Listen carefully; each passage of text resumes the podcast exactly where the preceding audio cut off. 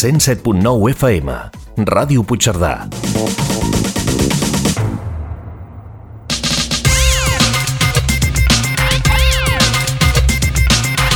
A la sintonia de Ràdio Puigcerdà, els dimarts a les 12 del migdia, Ciència en Colors, presentat per l'Enric Quílez, un programa de divulgació científica i tecnològica.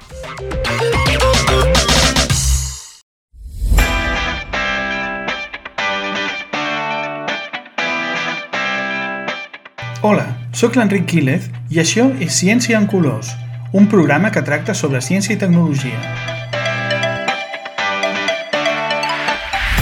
Avui tractarem sobre els ciclons i concretament sobre els ciclons tropicals. Els ciclons són masses d'aire humit que a l'hemisferi nord giren en espiral cap endins en el sentit contrari de les agulles del rellotge i solen ser àrees de molt baixa pressió atmosfèrica. Hi ha diferents tipus de ciclons, segons la zona on es formin. Nosaltres parlarem dels ciclons tropicals, per ser els més coneguts i també els que major destrucció solen causar. De fet, de ciclons n'hi ha de molts tipus, i no només a la Terra, ja que s'han observat ciclons a les atmosferes d'altres planetes, com és el cas de Júpiter o de Saturn. Per parlar dels ciclons, hem de fer referència a la ciclogènesi, que és el procés de formació d'un cicló. Concretament, la ciclogènesi tropical és deguda a una intensa calor latent. S'alimenten de la calor de la superfície dels oceans i poden arribar a ser d'una gran extensió i virulència. La major part dels efectes destructius dels ciclons a l'hemisferi nord es donen quan toquen terra, que és on es troben pràcticament totes les instal·lacions humanes que es poden malmetre. Però també solen perdre potència ràpidament, ja que no tenen l'aigua oceànica com a motor que alimenti la seva potència.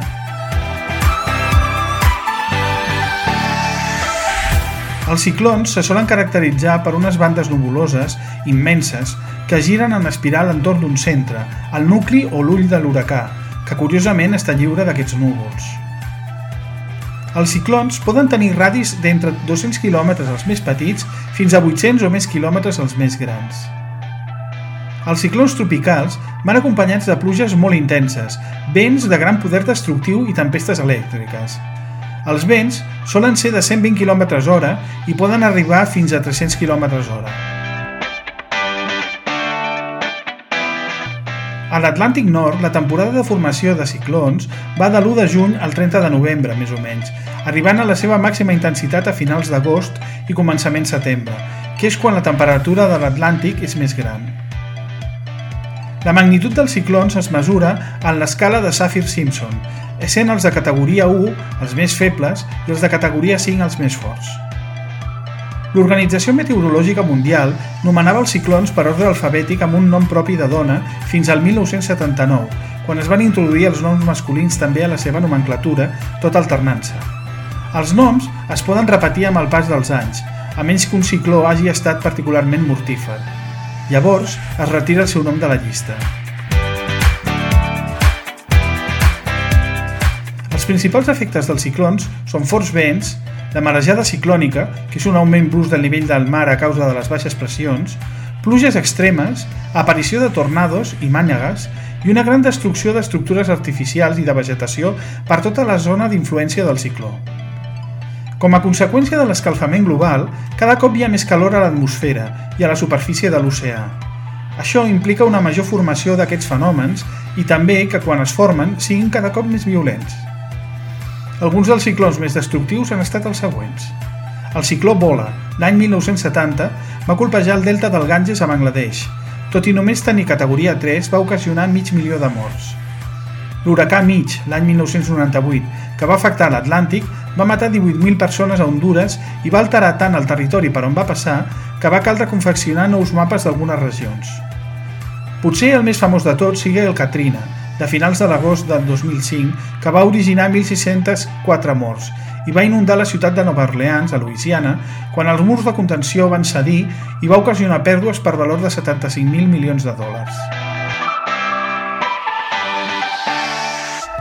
Els noms amb què es denominen aquests fenòmens canvien segons la part del món on es manifesten.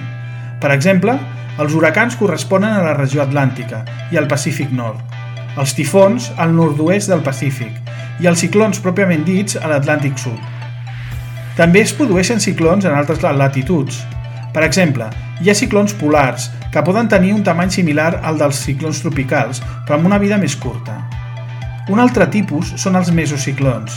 Aquests són petits vòrtex d'aire d'uns pocs quilòmetres que quan col·lapsen originen els famosos tornados, molt comuns al mig oest nord-americà. I fins aquí el programa d'avui. Al proper programa tractarem sobre un tema completament diferent, les espècies invasores. Si teniu consultes sobre el món de la ciència i la tecnologia, feu-nos-les arribar al mail grup arroba